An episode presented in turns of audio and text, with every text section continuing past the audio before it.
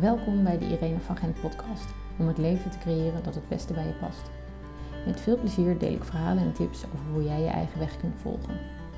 Mijn naam is Irene van Gent en ik ben schrijver van de boeken Geluk en Acht Koppen Thee en Volg je eigen weg. Meer blogs en verhalen vind je op mijn site irenevangent.com. Luister vooral ook even naar de introductiepodcast, zodat je ontdekt hoe jij je eigen weg kunt volgen en wat dit voor voordelen heeft voor je eigen leven en het leven van de mensen om je heen. Vandaag ga ik in gesprek met Sifra, een van de oprichters van de magie van seksualiteit. Sifra is er samen met haar partner Ronald van overtuigd dat het belangrijk is af te dalen in je lichaam. Pas als je dat doet en erin slaagt je bewustzijn omlaag te brengen, kun je ervaren dat je verbonden bent met de wereld om je heen. Dan kun je jezelf ervaren als geheel. Om mensen te kunnen ondersteunen in dit proces hebben we hun eigen training en ontwikkeld. Sifra heeft daarin zelf een enorme reis gemaakt. Van een leven werken met spirits en gidsen, kwam ze erachter dat ze meer in verbinding moet staan met haar lijf en dat kracht bij vrouwen ontstaat als ze in verbinding staan met hun baarmoeder. Sifra, wat leuk dat je er bent. Ja, dankjewel. Dat vind ik ook. Ja.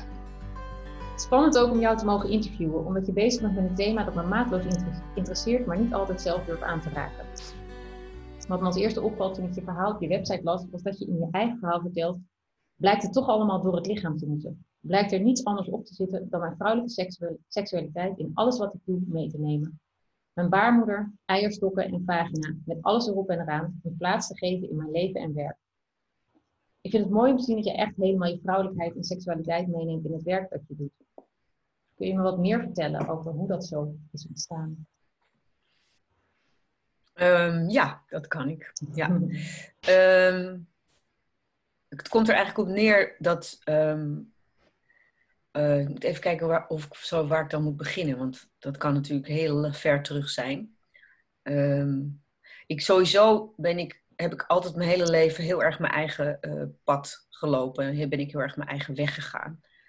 En ik zit even te er kwam een moment dat ik ik heb heel lang shamanisme gedaan. Dus dan werkte ik met, ik heb heel veel geleerd om te werken met uh, spirit helpers en krachtdieren en voorouders en het medicijnwiel en transreizen en met de drum en met het zingen, rituelen.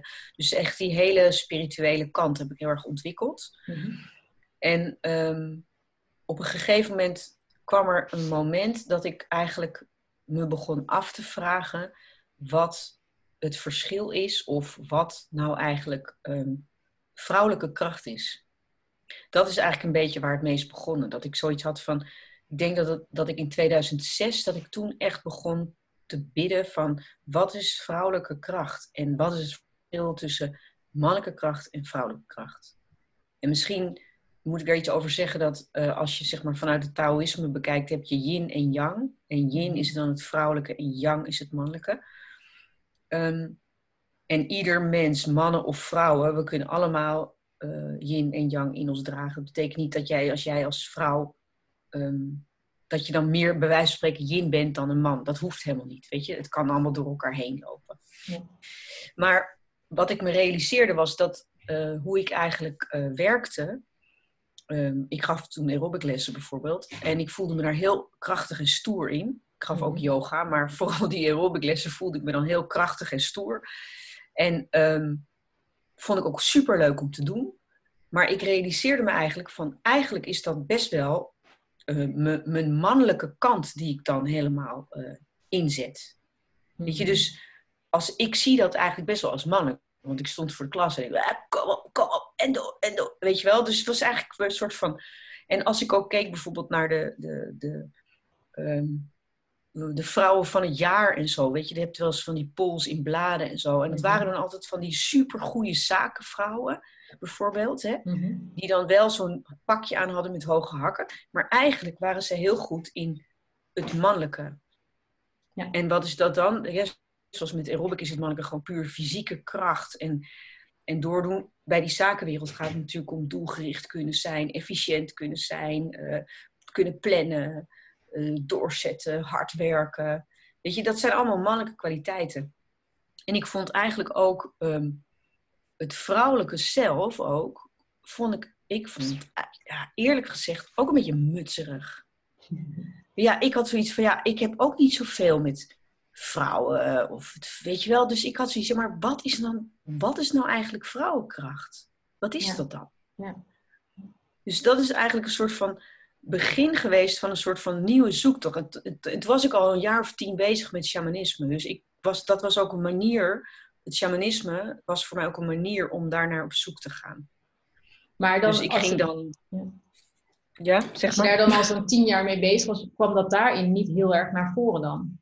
Heel erg uitgesproken van wat is vrouwelijke kracht? Of, Nou ja, uiteindelijk realiseerde ik me wel dat eigenlijk ik het, ehm, het meest vrouwelijke kracht heb geleerd van mijn eh shamanenleraar, wat een homoman is. Oké, En ja, en de manier waarop hij eh, teachings deed en zijn trainingen gaf. Ehm, hij had zijn drum en hij zong en hij had zijn prayers. En hij ging dan voor zo'n groep staan en hij opende zich volledig en hij drumde en hij zong. En terwijl hij dat deed, opende hij de ruimte en nam hij als het ware de hele groep in zijn armen, in zijn hart bij wijze van spreken. En vanuit daar ging hij voelen, wat wil gezegd worden? Wat is er nodig? En dat is eigenlijk heel erg feminine, heel Ja. vrouwelijk. ja. Dus je gaat niet, hij bedacht niet van tevoren, we gaan dit en dat en dat doen. Hij had wel een beetje wat dingen wat hij zei wat we gingen doen. Maar eigenlijk, goed beschouwd, ging hij iedere keer opnieuw, als hij zijn teachings ging doen, ging hij in de ruimte van het niet weten zitten.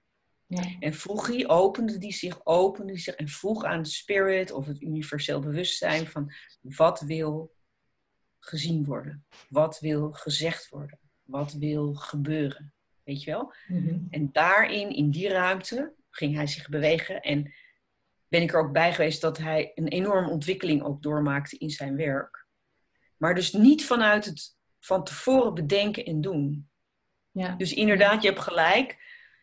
Eigenlijk is het shamanisme al een hele eh, feminine way, zeg maar. Vrouwelijke manier van Ja. doen.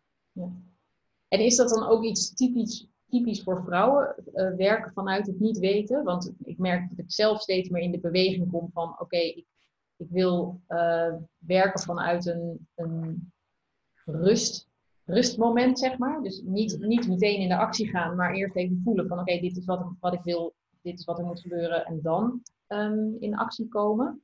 Eh, is dat dus typisch dan die vrouwelijke energie? Of zit daar, ik neem aan dat Nou ja, kijk, je- maar- Kijk, zo- het is natuurlijk bijzonder. Hè? Eh, as we speak, op dit moment zitten wij gewoon in de tweede officiële week van quarantaine van het coronavirus. Mhm. Ik weet niet wanneer deze podcast uitgezonden wordt, maar dat is vandaag.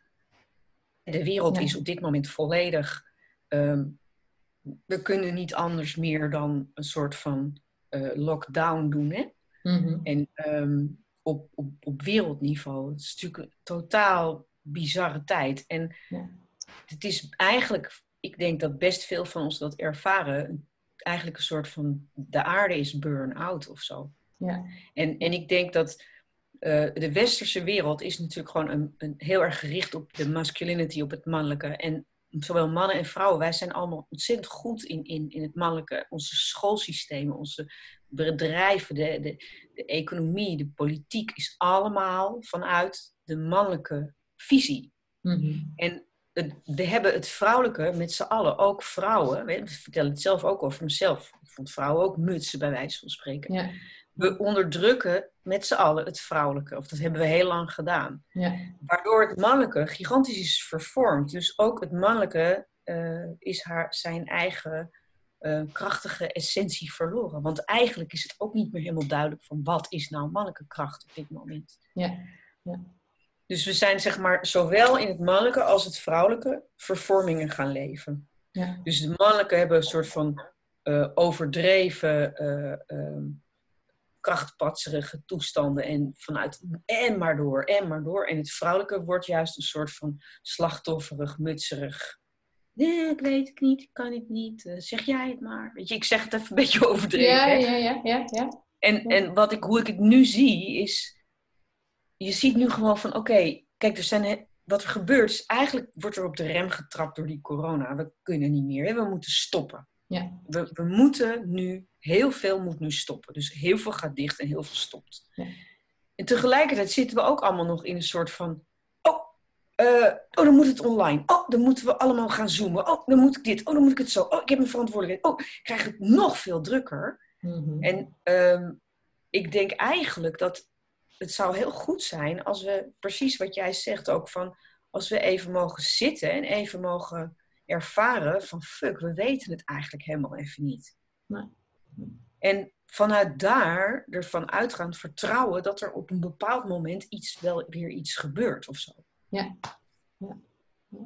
Hoe, hoe leef jij daar nu naar? Want dat, vertrouwen, want je, je noemt het. Kun jij, eh, is dat een, een, moet zeggen, een talent wat jij in je leven hebt eh, ik denk dat het een soort van. ehm, kijk, toen ik, toen ik er begon te, begon te onderzoeken wat vrouwelijke kracht is, Mhm. kwam ik ook bij de vrouwelijke seksualiteit terecht. En kwam ik ook bij het vrouwenlichaam terecht. En kwam Mhm. ik ook bij het, het, het belang van dat wij als vrouwen ons weer verbinden met onze lichamen, onze fysieke aanwezigheid. En als wij, zeg maar, eh, diep in contact zijn met onze sensualiteit, onze seksualiteit, onze vagina's, onze baarmoeders, onze vrouwelijke manier van mogen genieten. Dat gaat over sensualiteit, het gaat over verbinden, het gaat over ontvangen, weet je. Gewoon als je daarin mag gaan, mhm. het gaat over verzachten. Het gaat absoluut ook over het niet weten.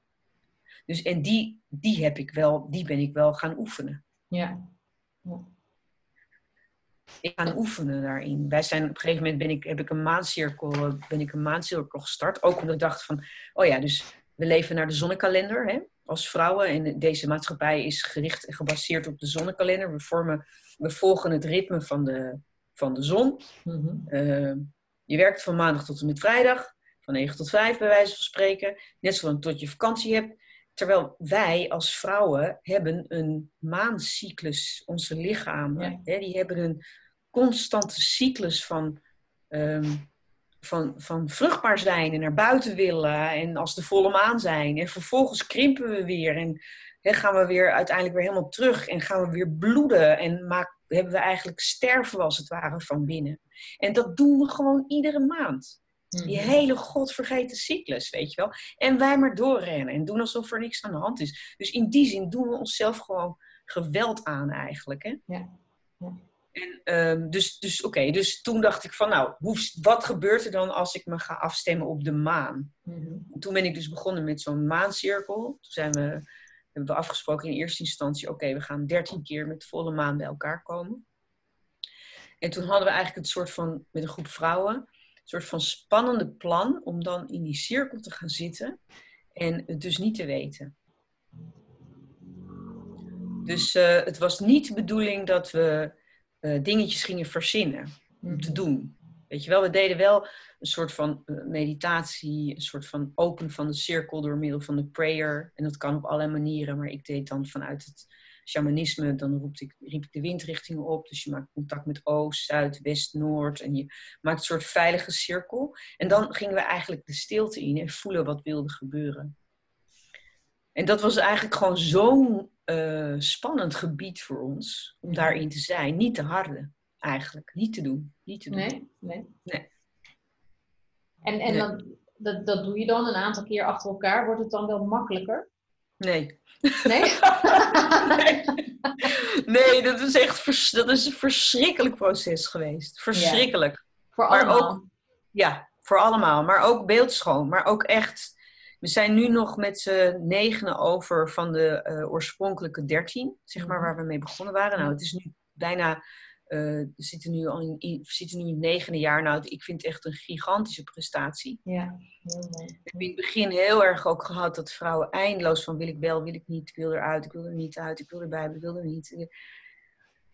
Ehm, het is gewoon heel spannend voor ons vrouwen om ons op zo'n manier met elkaar te verbinden. En wat er gebeurt is op het moment dat je gaat zitten voelen wat er op dat moment is. Mhm. ehm, wij konden allemaal zo nu en dan, wij kwamen dat allemaal tegen, dat we het gewoon heel erg spannend vonden om überhaupt in die cirkel te zitten met die vrouwen. En dan alleen al het zitten en het zijn met elkaar, of ook het delen wat er dan bij jou op dat moment speelt? Nou ja, het zitten en zijn en het delen. Want we deelden natuurlijk ook, maar eigenlijk was denk ik het spannendst het zitten en zijn. En, en van daaruit delen dus. Hè? Ja. Want ik kan, kijk, als wij allemaal ons de beurt een verhaaltje vertellen over hoe het met ons gaat. Want dat deden we ook, we deden ook wel een rondje. Dat was dan de enige structuur. Mhm. Van dat je als je de hardsteen of de steen of de stok of weet je kreeg, dan vertel je even hoe, hoe het op dit moment met je is. Ja. En soms was het ook wel dat we voelden van nou wie heeft er iets nodig en dan doen we iets voor diegene. Weet je, zo. Ja. Maar we hebben ook gehad dat we echt, oké, we doen die ronde, iedereen vertelt even zijn naam en hoe hij erbij zit. En vervolgens lieten we een stilte vallen. En ik was degene die eh, de, de cirkel had geïnitieerd. Dus ik had het zeg maar eh, gezegd van nou, ik wil het met jullie gaan doen. Maar ik voelde gewoon heel sterk van, voor mij is het niets makkelijker als de leiding nemen. Maar ik voelde gewoon heel sterk, ik moet het gewoon niet doen. Dus voor mij was het al verschrikkelijk moeilijk om niet de leiding te nemen. Dus ik stierf echt duizend doden iedere keer opnieuw. Als, dan vielen er weer eindeloze stilte. En dacht ik, waarom doet niemand iets? Waarom doet niemand iets? Kom op, we kunnen... Weet je wel? En dan voelde ik, ja, Sief, hou gewoon je mond. Ja, dit is je ding, weet je wel? Ja. Iemand... En nou ja, zo had ieder, heeft iedereen natuurlijk zijn... eh, Ja. Thema dat hij inbrengt. En, eh, Ja, En wat er gewoon gebeurt, is vrouwen willen heel graag, heel veel vrouwen, ik ben natuurlijk nu al een tijd hiermee bezig, en heel veel vrouwen verlangen hier dus enorm naar. En zijn vaak heel erg teleurgesteld, omdat het ze dus toch niet lukt om als ze bij elkaar gaan zitten, om echt die diepte in te gaan. Ja. Regelmatig komen vrouwen naar me toe en die zeggen, ja, ik heb het wel geprobeerd, maar ik weet niet, eh ik blijf toch een beetje vlak op de vlakte. En die andere vrouwen, die kunnen het niet. En eh drinken eigenlijk alleen maar thee. En eh, ja, die andere vrouwen durven niet de diepte in te gaan. Ja, en dan is de vraag, wie zijn dan die andere vrouwen? Ja, ja. Nou ja, en dan is meteen wat bij mij opkomt. Oké, wat, zit er, wat zit er dus in jou om het niet, Ja. dat niet te... ehm, om dan is nog steeds het bij de ander neer te leggen. Want dat zag ik volgens mij ook op je, op je, op je website staan. Omdat het ehm, heel erg gaat over je eigen verantwoordelijkheid nemen. En je eigen eh, rol zien in het, in het totale proces. Dat het Ja. altijd gaat over jou. En Precies. eh, ik merk dat momenteel in mijn eigen relatie heel sterk. Dat ik dan steeds weer terugkom. Ik bedoel, we zitten nu natuurlijk dicht op elkaar. We zien elkaar veel. Dus dat heeft iedereen last van waarschijnlijk. Maar ehm, dat er dan als, de, als er iets niet lekker stroomt. Dat ik dan zeg maar ja maar jij. En meteen Mhm. zie ik dan oké ja maar ik. Wat, is er, wat zit er bij mij? Ja. nu die spiegels. Ja. Je, je ziet nu al direct zeg maar bij de, als ik het naar de ander toe leg. Of, eh, naar de ander toe schuif. Dan denk ik, oh nee, het zit, het zit vooral in mij. Ehm, maar dat, is natuurlijk, dat heb ik ook moeten leren. Ik bedoel, dat Ja. is niet iets wat heel eenvoudig is gegaan eh, eh, voor mij. Nee, dus, dus in die zin zijn er ook inderdaad. ehm, ja, er zijn, het is ook een soort dat bewustwordingsproces. Hè, van, ehm, kijk, het kan natuurlijk zijn dat je op een gegeven moment elkaar echt ontgroeid bent. En dat het niet meer klopt dat je met elkaar bent. Dat kan in Mhm. een cirkel, dat kan in een relatie. Ja. Dat je gewoon merkt van oké, deze stap ga ik met deze mens niet meer maken. Mhm. Ehm, maar er zijn ook heel veel momenten in een relatie, in de cirkel, waarbij je natuurlijk eindeloos op elkaar projecteert. En dat zeg ik ook altijd als ik training geef. Bij ons in de jaartraining, ik geef ook dus die jaartraining hè, voor de magie van de vrouwelijke seksualiteit. Ja. Je hebt als het ware, als we in een groep zitten van 24, 25 vrouwen, heb je gewoon 24, 25 spiegels.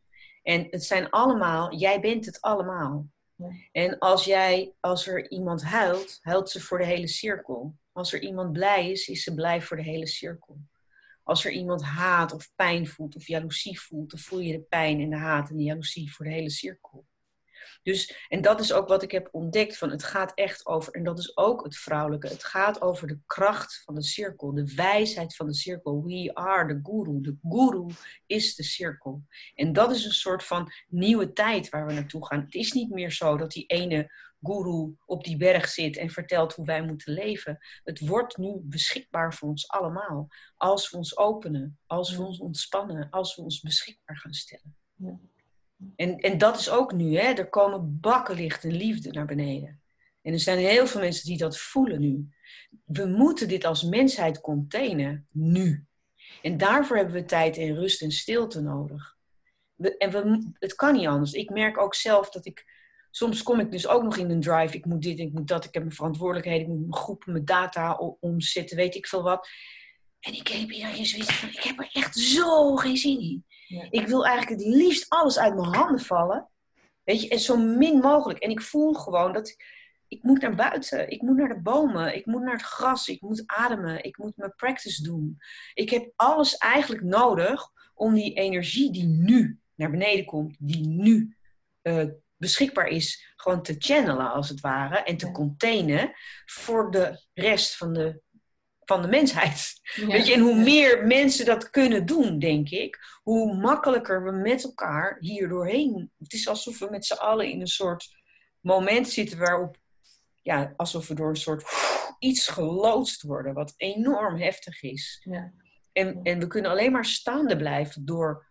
Uh, door tijd te nemen, door rustig te blijven, door eigenlijk gewoon naar buiten te gaan en te genieten zover dat kan. En als je binnen moet blijven, ook je meditaties, ontspan je, adem door. Iedere keer opnieuw dat je denkt van, oh, ik ben bang daarvoor, of hoe moet het hiermee, of hoe moet het daarmee. Iedere keer opnieuw. We wonen in Nederland, we zijn beschermd. De meeste van ons hebben gewoon een huis, hebben een bed, hebben nog koffie. Weet je, wat hebben we nodig? Ja. Dus iedere keer weer terug naar het moment. Nu is het goed. Nu is het goed. Dus dat is echt iets waar we nu als mensheid uh, voor staan, zeg maar. Ja. Um, en daarin ervaar ik dus, even weer terug naar waar ik begonnen was, uh, hoe we dat als het ware in die maancirkel hebben geoefend, zeg mhm. maar. Ja. Door steeds te zeggen, ik ben een andere jij. Ja. en dat is dus heel um, um, Kijk, jij bent heel, heel bewust, je bent er al jaren mee bezig. Dus het is, iets wat bij jou steeds meer van nature gaat. Uh, ik bedoel, bij jou komt ook nog op dat je denkt, oh, ik moet iets en ik voel me verantwoordelijk. Dat, dat, ik denk dat iedereen dat herkent. Mhm. Ehm, maar als je er nog niet zo lang mee bezig bent, en, en dan kijk ik ook vooral naar mezelf. Ik heb de afgelopen twee weken wel echt in zo'n spagaat gezeten. Want ik voelde me ook verantwoordelijk voor, voor bepaalde dingen. En ik, ik wilde door, want ja, hoezo stil? En, en uh, maar hoe meer ik stil ga staan, hoe duidelijker de antwoorden worden en hoe meer ik in verbinding kom met dat wat echt de bedoeling is. Ja. Um, dus die, die energie is heel fijn. En dan, als ik in die stilte ben, kan ik de liefde voelen. En anders komt er weer die angst, zeg maar, naar boven. Dus hoe, hoe kunnen we er. Um, ik, weet niet of je het antwoord hebt, maar als je nog net maar in dit proces, proces zit, heb je een tip waar je mee kunt beginnen? zo? Nou, ik denk dat uh, een van de belangrijkste, simpelste tips is dat je uh, dat dit echt een moment is waarop ieder van ons echt kan gaan ervaren van wat is nou eigenlijk echt belangrijk voor mij? Ja. Wat is belangrijk? En voor mij is, weet je, ik merk dat voor mij is het eigenlijk het belangrijkst dat ik rust en tijd heb voor mezelf. En dat ik naar buiten kan. Dat ik gewoon zo nu en dan onder een boom kan zitten en dat ik de zee in kan duiken. Dat is het belangrijkst. En verder is het natuurlijk belangrijk dat ik te eten heb en dat ik een dak boven mijn hoofd heb. Dat ik een fijn plekje heb om te wonen. Ja. Zoveel meer heb ik niet nodig. Waarom moet ik en goji bessen en raw chocolate en avocado en fucking aubergine en nog courgette. En rot op, ik hoef het niet. Ik, heb, ik kan ook gewoon wel aardappels en kool eten, weet je. Wat, heb, wat moet ik met nog drie paar gimpen en nog een paar laarzen en nog een nieuwe jurk? En dan is weer die mode er. En dan is dat, weet je, vier collecties per jaar. Ik hoef die zo niet. Ik denk dat het echt daarover gaat. En als je dat voelt, dan hoef je dus ook niet zo hard te werken. Dan hoef je ook niet zoveel zorgen te maken of je het allemaal nog kan betalen. Dus ik weet kijk, als je natuurlijk al eenmaal in een gigantische hypotheek zit en je zit in een drive, ja, dan denk ik het enige wat je volgens mij hoe ik het zie, is gewoon ga maar kaal slaan. Ga maar gewoon de kaalslag in. Ga maar schrappen. Dit heb ik niet meer nodig, dit heb ik niet meer nodig. En dat is ook voor ons, voor de aarde, is dat ook gewoon ontzettend belangrijk. Want die rijkdom waar we in zitten is natuurlijk suggestief. We zijn helemaal niet rijk. Zo rijk als we ons nu gedragen. Want we vreten gewoon de aarde op tot, tot, tot het bot. Ja. En het kan niet zo doorgaan. Dus ja, weet je, ik denk van beter dat we nu op de rem trappen dan dat we. Het gaat heel snel. Over vijf jaar is het echt te laat natuurlijk. Ja. Dan is, gewoon, is het op. En dan nou ja, moeten we sowieso. Ja, ja. Dus, dus, dus we zijn op, de, op. Er is, iemand heeft op de rem getrapt. Misschien niet op een hele charmante manier. Maar ik denk ook niet dat het op een charmante manier had gekund, zeg maar. Ehm, Ik denk dat, dat in die zin corona echt ongelooflijk eh, fantastisch. eh, ja, ik bedoel, het is natuurlijk verschrikkelijk als straks het echt toe gaat slaan in landen als India en, en Afrika. En ook wat er nu in Amerika gebeurt. Weet je, op, op dat menselijk niveau, dat is, dat is verschrikkelijk natuurlijk. Dat wil je voor niemand. Nee. Uh, aan de andere kant, als het een oorlog was geweest, of als we straks echt de hulpbronnen op zijn en dat we gewoon woestijnen krijgen en overstromingen, ja, dan dat is nog, dat is ook heel erg. Ja, ik weet ook niet. Ja, Het is misschien, ja. Ik, ik- hoe ik het zie, is dat we gewoon eh, niet goed met de aarde omgaan als aardemoeder. Als, als, hè, we, ik denk dat we hier, en dat is ook vanuit natuurvolkeren, vanuit het shamanisme. eh, we zijn hier om, eh, om, om, om de aarde te bedanken. Zoals de aboriginals, die zongen de aarde. Weet je wel, dat is volgens mij wat ons mensen, ja, wat wij dienen te doen. Ja. Er is zoveel schoonheid. Ja. En wat doen we? We plunderen het leeg. En dat gaat ook over het vrouwelijke. Dat gaat ook over de feminine. En zoals we met de aarde omgaan, zo gaan we ook met onze lichamen om. Ja, maar dat is dus eigenlijk, dat, ik zou dat zeggen als dat het niet feminine is. Dat het juist heel erg, ehm, eh, dat het vrouwelijke juist meer liefdevol is. Maar misschien bedoel je dat ook. Vrouwelijke ik bedoel dat, meer liefdevol eh, omgaan is met je lichaam en met de aarde. Ja, ik bedoel dat, Ja. zeg maar, dat we de aarde zien als vrouwelijk. In die zin dat ze ons draagt Hmm. en Ah, zo, ja. eh, voedt, zeg maar. Ja. En dat we daar eigenlijk heel slecht mee omgaan. Ja. Dat doe ik. En dat Ja. wij als vrouwen, wij hebben ook een lichaam waarin we onze baby's dragen en voeden. Ja. En eh, daar gaan we ook slecht mee om. Ja. In die zin dat we eh, onze seksualiteit ehm, ehm, ja, is niet vrij. En dat geldt natuurlijk ook voor mannen. Mhm. En dat is natuurlijk, dan kom je op de volgende, dan komen we op het volgende stukje. ja. Eh, hoe ik uiteindelijk bij de seksualiteit ben gekomen. Ehm, dus ik heb heel veel dan gewerkt met spirit en, en, en, en rituelen, et cetera. En op een gegeven moment, ehm, vanuit, dat, vanuit dat werken of dat, die zoektocht naar de vrouwelijke kracht, kwam ik natuurlijk ook terecht bij de vrouwelijke seksualiteit. Want, want wat maakt mij dan vrouw? Wat mij vrouw maakt, maakt, is dat ik een vagina heb en dat ik borsten heb. Ja. En dat ik een baarmoeder heb. En wat, wat betekent dat dan? En kun je daar een kort en eenvoudig antwoord op geven van wat dat dan voor jou betekent? Want je bent de Ehm. aangegaan. En, Nou ja, kijk, wat, wat ik heb eh, ontdekt is dat we eh, de seksualiteit eh, ontzettend onderdrukken, zowel mannen als vrouwen. Er is helemaal geen vrijheid. We hebben wel een gigantische hoeveelheid porno op internet staan, Mhm. pornografie, zeg maar. Maar dat betekent niet dat we, eh, dat we vrij zijn rond onze seksualiteit.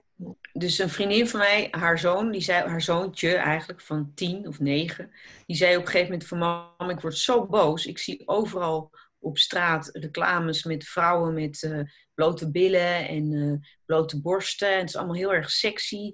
Maar ik zie helemaal nergens ehm, dat mensen elkaar lief hebben en seks hebben. Ik zie niet liefde daarin. Hmm. En dat vond ik echt wel een soort. Dat is natuurlijk ook zo. We zien niet onze ouders die seks hebben, dat mag allemaal niet. Het is allemaal verboden. We zien elkaar dat niet doen op een liefdevolle manier. Maar wat er wel in overvloed is, is op zo'n manier dat we er geil van worden. En dat is dan ook de bedoeling, zeg maar.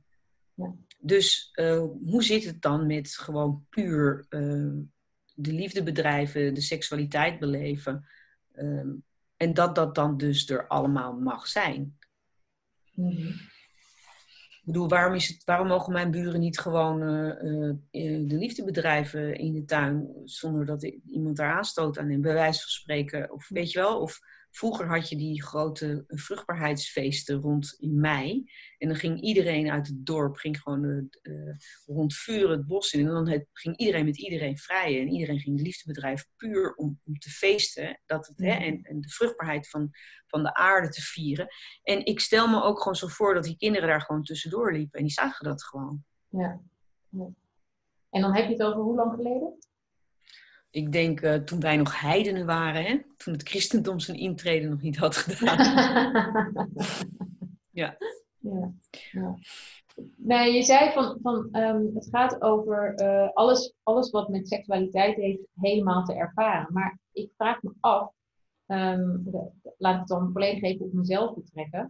Um, ik zou niet weten wat dat dan is. Wat dat dan allemaal is, zeg maar. Wat daar dan allemaal bij hoort. Toen ik jouw stuk aan het lezen was over contact maken met je baarmoeder en dat, wat je daarin te ervaren hebt, denk ik, oh ja, ik word elke maand uitgedaagd in het aanvaarden van mijn menstruatie. Daar word, daar, dat ben ik aan het leren, zeg maar. Om te aanvaarden dat dat gewoon elke maand terugkomt. Mee bewegen met de, met de gevoelens die ik daarin heb. Dus dat, dat, dat proces begin ik te begrijpen. Um, maar ik heb ook geen seksuele educatie gehad of uh, uh, iets meegekregen van vroeger. Dus hoe kan ik? Ik ben wel benieuwd hoe ik dat hele spectrum zou kunnen ontdekken, zeg maar. Of dat, ja, ja wat, wat is dat dan allemaal? Ik heb geen idee. Ja, ja. En het is ook heel moeilijk uit te leggen ehm, als je er geen idee van hebt. En eigenlijk is ook de enige manier, ik, kan er, ik ga er wel wat over vertellen hoor, mhm. maar de enige manier om het echt te gaan begrijpen is echt de ervaring. Ja. Je kan het niet begrijpen als je niet in de ervaring gaat. Ja. En er zijn heel veel vrouwen die dit natuurlijk ook heel spannend vinden. Dan geef ik de magie van vrouwelijke seksualiteit. En uh, wat moeten we dan doen? En moeten we naakt? En gaan we seksen? nou ja, je hoeft niet bang te zijn, want het gaat over iets heel anders. En dat kan ik wel zeggen. Kijk, je, kan, je hebt, aan de ene kant heb je die oude vormen van in de jaren zeventig konden vrouwen uit gaan leggen hoe je door de clitoris op de juiste manier te stimuleren. Je hebt nu ook zo'n uh, uitzending bij Netflix van de Goop Lab. Hartstikke leuk. Uh, een orgasme kan krijgen. En dat kan, kan iedereen leren, zeg maar. Mm. Um, en dat is eigenlijk weer de, de mannelijke manier. Want dat is doelgericht. Dan ben je gericht op het piekorgasme. En daar zijn heel veel vrouwen best wel goed in geworden. Dan kunnen ze gewoon met een man, dan kunnen ze seksen. Dan kunnen ze zorgen dat ze een piek krijgen. En de man krijgt de piek klaar. Uh, maar wat is dan de vrouwelijke seksualiteit? Wat, wat is dat dan? En um, dat gaat over... Um, uh, dat gaat over extase. Dat gaat over sensualiteit. Dat gaat over um, oplossen, ontvankelijk zijn, vallen, weer, hè, komen weer al die termen, verzachten. Ehm, op een bepaalde manier verdwijnen in het moment met elkaar, zeg maar. En als je dan, wat ik zelf bijvoorbeeld merk als ik in zo'n jaartraining zit met vrouwen, ehm, helemaal als we toevallig op een prachtige locatie zitten, dat er momenten zijn dat we met z'n allen het bos ingaan en dat we gewoon zo gelukkig zijn. En dat we gewoon alsof de lucht ons streelt en de regen ons streelt en de bomen en de aarde. En het is een totaal andere vorm dan seks, seks, neuken, seks. Ja. Het gaat echt over dat je gewoon totaal mag genieten van iedere sensuele sensatie die maar mogelijk is. Ja. En daarvoor hoeft helemaal geen geduw of daar hoef je ook geen geilheid voor te voelen. Het gaat echt over ja, het gevoel van dat je hele lichaam aanwezig is en dat je in een soort pure ehm, ervaring komt van, van gewoon genieten van het feit dat je een vrouw bent en een lichaam hebt en met je blote voeten op het natte gras kan lopen. Ja. Zo. Ja. En hoe ja. kom je daar? Hoe kom je daar? En dat is wel een ding. Uh, door echt heel hard te gaan kijken, oké, hoe zit het met mijn persoonlijke relatie en met mijn eigen lichaam? Hoe ga ik om met mijn seksualiteit? Hoe beleef ik mijn eigen seksualiteit met mezelf en met mijn partner? En wat doe ik en wat vind ik fijn en waarvan denk ik, hmm, ik schaam me hier eigenlijk, of ik voel schuld, of ik heb seksuele fantasieën waarin ik me voorstel dat ik gedwongen word. Uh, ik wil juist ook wel porno kijken met mijn partner. Uh, ik wil eigenlijk dat het snel voorbij is. Ik vind het eigenlijk alleen maar geil als. Ik verlang eigenlijk naar. Ik weet niet. Ik vind eigenlijk dat mijn vagina niet klopt. Uh, weet je, ik voel eigenlijk niks. Of ik voel veel te veel. Of alles wat er maar um, gezien wil worden. En als je dat met elkaar gaat delen en je gaat naar elkaar luisteren en je gaat. Um, daarnaar kijken, zeg maar, um, dan, dan kan daar ontzettend veel heling in, in plaatsvinden. En ja. ook de verbinding gemaakt worden van je hoofd en je hart en je baarmoeder en je seksualiteit. En dan kan je een soort van veel vollediger ehm, ja, plaatje krijgen als mens hier op aarde. En ik geloof zelfs in deze tijd, dat met dat gigantische bewustzijn dat naar beneden komt, dat het nodig is dat al die mensen die ook maar eindeloos bezig zijn met dat licht channelen en zo, dat de seksualiteit erbij komt. Je kan voor mij niet een tantra teacher zijn of een lichtchanneler zijn en wel zitten te, uh, achter de porno zitten te rukken drie uur per dag of zo. En er is echt, maar ik zal je de kost geven hoeveel, hoeveel mensen dat nog doen, weet je. Het is, het is een hele rare afscheiding. Ja. Het is heel raar. De ene helft van de mensheid die weet niet eens dat porno bestaat. En de andere helft is gewoon de praktijk. De meeste, ook met vrouwen en mannen, weten niet eens van elkaar wat ze doen. En ze hoeven het ook niet te weten. Ze denken, laat het mij dit wel duren. Bij wijze van spreken. Ga het maar eens vragen aan je partner. Hoe zit het eigenlijk met jou? Wat voor porno vind jij leuk? Moet je niet vragen, kijk je wel eens porno? Maar gewoon, wat voor porno vind jij leuk? Nou ja, zo is het bij mij ook gegaan. Ik, ik ben me rot geschrokken toen, toen dat allemaal open ging met mij en mijn man toen. Ja. Ik ben me echt helemaal rot geschrokken. En ik, had het ook, ik wilde het ook niet zien heel lang. Ik dacht van nou, ik weet niet wat die uitspook, maar kan niet schelen. We maken samen zorgen dat die kids uh, groot worden en het zal mijn tijd wel duren. Ja. Dus het kan ook zijn dat als je dat aangaat en je gaat het openbreken, dat die relatie ook uh, klaar is. Ja. Dus ja, het is nogal een weg. Ja. dus dat, dus heel veel kunnen ook zoiets hebben van nou, inderdaad, wat ik ook heel lang heb gehad, van nou, ik vind het wel goed. Ja.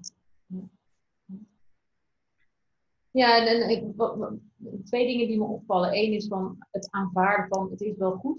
Eigenlijk met heel veel dingen denk ik dat mensen dat zo doen. Um, ook in, in in het feit van ik heb een baan bijvoorbeeld die ik niet leuk vind, maar ik doe het maar, dus ik accepteer het maar, want er komt er geld binnen, kan ik die hypotheek betalen en ik heb geen zin om verder te kijken, want als ik iets anders wil, dan wordt het moeilijk.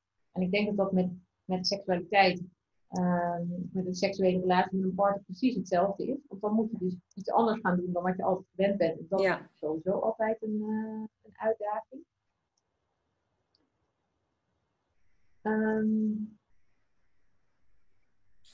ja, en, dat was nog ja, en dat is, ja, maar dat is voor mij op een gegeven moment, weet je, uh, wat voor mij is misschien wel een van de belangrijkste dingen, is wat geven we mee aan onze kinderen op deze mhm. manier. Ja. Kijk, kinderen die, die voelen alles en die pakken alles en die doen gewoon wat hun ouders doen. Ook al vertel je het niet, ze doen gewoon hetzelfde. Ja. Weet je, al doe je dingen stiekem, dan gaan je kinderen hetzelfde stiekem doen. Ja. Dat, is, dat heb ik ook geleerd met het shamanisme en met de systemische rituelen, de familieopstellingen. Het is gewoon bizar hoe dat werkt. Dus voor mij, ik ben het voor mezelf verschuldigd om echt hierin uh, tot op het bot te gaan. Ja, en ik, ik kan me ook heel goed voorstellen dat mensen dat, dat niet doen, zeg maar. Mm. En ik moet je wel zeggen dat ik heb nu met mijn partner, we zijn nu zeven jaar samen. Ja, het is zo'n bevrijding. Ik vind het echt ik ben zo onwaarschijnlijk blij dat ik door al die dingen heen ben bewogen. Mhm. Zeg maar, het heeft me zoveel gegeven. En ik heb een boek geschreven, Het Vergeten Weten. Ja. En ehm, dat is ook, daar beschrijf ik gewoon die hele zoektocht in. Dus als je echt geïnteresseerd bent in mijn verhaal, dan zou ik zeggen, koop het Vergeten Weten bij bol.com en dan heb je gewoon uh, all the way. En uh, mensen verslinden het. Het is echt best wel een heel bijzonder boek, zeg maar. Ik heb mhm. het zelf uitgegeven en toch is het een soort van een bepaalde groep mensen die, ja, blijft gewoon steeds maar verkopen, zeg maar. Ja. En daar is, beschrijf ik alles in, de hele zoektocht. Ja. Maar het is natuurlijk ook een thema wat nu steeds interessanter wordt. Dus ik kan me ook voorstellen dat het een thema is waardoor mensen het blijven kopen, zeg maar. Ehm, dat het gewoon nog steeds relevant is. Het is geen, geen tijdelijk boek, zeg maar. Nee, nee. Nee, en ik vind het ook heel bijzonder om te ervaren dat. Ehm, en dat ik denk wel dat dat voor mij is dat, als je het dan hebt, want dat is ook wat jij zegt over wat mij, ehm, mijn weg uniek maakt. Wat ik samen met Ronald, met mijn partner dus doe. Mhm. Ehm, voor ons komt het echt samen. Dus wij werken ontzettend veel met spirits en met, uh, met het grote bewustzijn, het collectieve bewustzijn, met met liefde, licht, weet ik veel. We hebben gewoon omringd, weten we ons, door helpers. En, nou ja, maar ook dus met het aardse. Mhm. Ook met de seksualiteit. En wat ik ervaar is ook in de groepen dat daardoor ja, wordt het onontkoombaar of zo. Dit is wat we nu dienen te doen als mensen. Als we werkelijk kanaal willen zijn, als we willen dat we die bakens van licht zijn die nu nodig zijn, dan moet alles open zijn. Alle chakras moeten open zijn. En dan hoort de seksualiteit gewoon bij. Ja. En omdat die seksualiteit zo, omdat daar nog zoveel taboes om, omheen zitten, is het de reden dat wij daarmee werken. Anders zou ik daar niet mee hoeven werken. Nee. En het is absoluut wel zeker waar dat als je bij ons iets gaat doen, of je nou de mannen- of de vrouwentraining of met je partner, dus dat is ook ontzettend interessant. Prachtig, prachtig werk ook. Mhm. Met je partner de stellentraining gaat doen. Um, mensen komen uiteindelijk wel ook heel veel, um, ja, ze worden gewoon heel blij. Ja. ze gaan het wel echt voelen van ja, als je, het is, kan heel heftig zijn en pijnlijk, maar je gaat steeds meer open en het wordt steeds waarachtiger. En steeds, er komt uiteindelijk steeds meer uh, ontspanning en eerlijkheid en verbinding ook. Ja. ja. en ik kan me ook voorstellen dat dat ook heel spannend is en heel confronterend om zo'n training met z'n tweeën aan te gaan. Want je komt Zou jij durven? Ik heb er wel heel. Ik, ik, nou, het was wel dat ik dacht: oh ja, ik, dit zou ik wel willen nu op dit moment in de relatie moet ik natuurlijk mijn partner nog meekrijgen. Die is wat minder in de uh, ontwikkeling waar ik nu zit, zeg maar. Dus ik, ben wat een paar stappen verder. Maar ja, het is wel een thema dus bij, bij ons. Dus, dus, ik kan me voorstellen dat we daar uh, ooit wel eens wat mee gaan doen. Um, ja. Maar ik kan me ook voorstellen dat dat, dat op persoonlijk vlak heel veel over, overbreekt. En dus ook met z'n tweeën. Dus dat het ook wel heel heftig kan zijn. Ja, en het is ook uh, wat uh, het grappige is ook dat er ook juist vaak, hoe zeg je dat, dat je gewoon tijd krijgt om. We hebben allerlei verschillende ook technieken om met elkaar te communiceren, mhm. waardoor je eigenlijk door de ruis van alle dag heen elkaar gewoon weer veel makkelijker kunt verstaan. Ja. En dat zijn eigenlijk hele simpele, eenvoudige oefeningen die mensen ontzettend veel opleveren. Ja. Weet je, dat je gewoon echt eventjes uh, tijd neemt om elkaar weer te zien, weet je wel. En, en te voelen en, en te luisteren. En zo, ook zoals nu, als al die mensen zo binnen zitten en hun eigen dingen aan het doen zijn. Ik merk het zelf ook, voor je het weet, ben je dagen al langs elkaar heen aan het leven. Ja. En om dan even de tijd te nemen. Ja, ja precies. Dat het dan eigenlijk nog erg. Maar gewoon even zeggen: oké, we gaan nu even een uur of twee uurtjes. En dan doen we een aantal dingen met elkaar. En om weer gewoon te voelen: waar zit je? Wat houdt je bezig? Ja. Dus het is dat ook, hè? eigenlijk wat we doen is ook allemaal heel eenvoudig. En ons leven is ook heel eenvoudig. Zo eenvoudig mogelijk. Het leven van jou en je partner. Ja. Ja. ja. ja. En, wat, en wat betekent eenvoudig dan voor jou? Um, niet zoveel opsmuk, geen gedoe. Je gaat gewoon tegenover elkaar zitten, je sluit je ogen, je bent stil tien minuten en daarna ga je, weet je wel, volgende iets delen. Het is heel simpel. Maar er zit wel structuur in, wat, eh, wat behulpzaam is, zeg maar. Ja. Maar het is niet dat het allemaal, ja. Dan heb je het dan over je seksualiteit of gewoon over het leven in het algemeen? Uh, allebei dus, want ook uh, de seksualiteit. Um, we hebben dus in het begin, heb ik, ons, ik heb echt een aantal jaren echt alles uitgeprobeerd. Met, samen ook met mijn ex-man. En uh, toen was Ronald er ondertussen mijn, de man die ik dus nu heb, uh, we hebben drie, twee jaar heb ik twee mannen uh, gehad. Mhm. En ook met z'n drieën gevreden. Nou, dat was wel, ik heb echt wel de tijd van mijn leven gehad. dat is echt fantastisch. en we gingen, we deden gewoon van alles. Ook zij ook. En alles was helemaal oké, weet je wel. Het was echt, nou, het was fantastisch. Um, maar op een gegeven moment is, was het ook gewoon klaar. En ik merk nu met Ronald dat er gewoon zoveel rust is. Weet je wel, we hebben helemaal geen behoefte aan, uh, weet ik veel wat. Dat bedoel ik ook met eenvoud. Ik vind het al fijn als ik met hem ben en als hij bij wijze van spreken in me is. En als we werkelijk diep in contact kunnen zijn samen. Als ik met hem kan ademen en zijn hart kan voelen. Daar gebeurt zoveel in. Ja. Dat is het. Ja. Dus zo in die zin dus ook eenvoud. Ja. ja. Maar om tot die eenvoud te komen, is het wel nodig om al die dingen te zien, zeg maar. Die, geleefd misschien willen worden. Of in ieder geval gezien willen worden. Ja. Ja. Ik kwam ooit eens een mooie quote tegen waarbij, ik weet de quote niet meer exact, maar die ging over, je moet eerst door een hele berg gedoe en moeilijkheden heen voordat je bij de eenvoud terecht kunt komen. Ja, Dus je komt niet Ja, en dat merk ik dus- eenvoud. Nee, en dat merk ik ook in deze, nu die tijd, in deze tijd eh, de, met, met, waarin we dus die corona, omdat wij al zo weinig hebben en zo simpel leven, heb je ook niet dat je zo ontzettend gepakt wordt erdoor. Ja, weet je? Ja.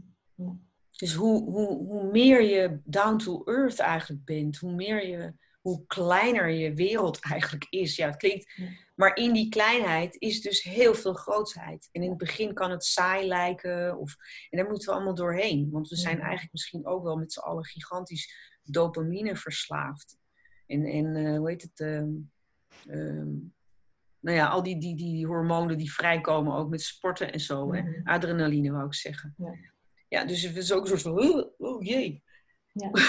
Ja. En dat geldt ook voor de seksualiteit. Op een gegeven moment is er zoveel te beleven als je gewoon bij wijze van spreken in elkaar bent en je ligt stil. Ja. En dat zijn dingen, ja, in het begin toen wij daarmee begonnen om dat te oefenen, eh, toen ervoeren we niet zoveel, was het best wel saai. Maar langzaam maar zeker, dan wordt dat steeds, dat palet wordt gigantisch. Ja. En totdat je gewoon denkt, ja, wat zouden we nou nog meer doen? Want dit is, hier gebeurt echt wel genoeg, weet je wel. Dus, nou, dat. Leuk, leuk. Nou, dank. Dus aan de ene kant is er dat enorme verhaal over de spiritualiteit. En aan de andere kant is er gewoon seksualiteit. En dat hoort allemaal bij elkaar. Ja, ja ik denk kan niet zonder van. Ja. Mooi. Sifra, dankjewel voor jouw eh, verhaal en inspiratie. Ik denk dat het eh, in deze tijd een, eh, een mooie aanvulling is op eh, ja, hoe je er ook naar kunt kijken. Naar het hele corona gebeuren. Dus eh dankjewel. Ja, leuk. Dank je dat je me hebt uitgenodigd. Nou, heel graag. Wil je weten hoe jij je eigen weg kunt volgen? Ga dan naar mijn website irenevangent.com voor nog meer verhalen. Daar kun je ook mijn boek Volg je eigen weg bestellen. Ik wens je een hele fijne dag. Vond je deze podcast leuk? Geef dan een like en deel hem met je vrienden. Dan inspireren we steeds meer mensen om hun eigen weg te volgen.